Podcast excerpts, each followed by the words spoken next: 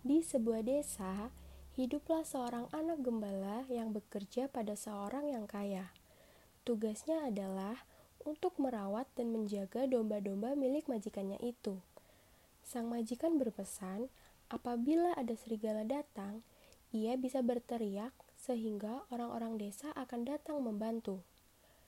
Kegiatannya sehari-hari yang hanya mengembalakan domba di dekat hutan membuat si anak merasa bosan.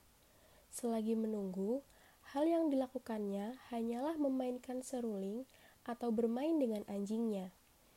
Hingga terbesit di pikirannya untuk melakukan suatu tindakan yang tidak terduga. Tiba-tiba ia berteriak, "Serigala! Serigala! Tolong, ada serigala!"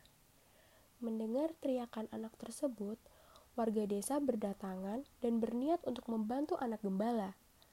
Namun, saat mendapati ternyata si anak gembala hanya bercanda dan melakukannya karena bosan, mereka pun kesal lalu kembali pulang. Ternyata perbuatan itu tak hanya dilakukan sekali. Selang beberapa hari kemudian, ia melakukannya lagi. Saat mendapati si anak gembala malah tertawa terbahak-bahak, tentu saja itu membuat warga desa marah.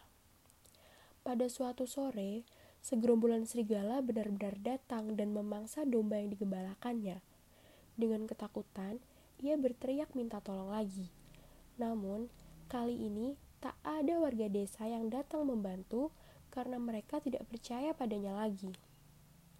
Akhirnya, sekumpulan serigala tersebut berhasil memangsa banyak domba dan membawanya masuk ke hutan.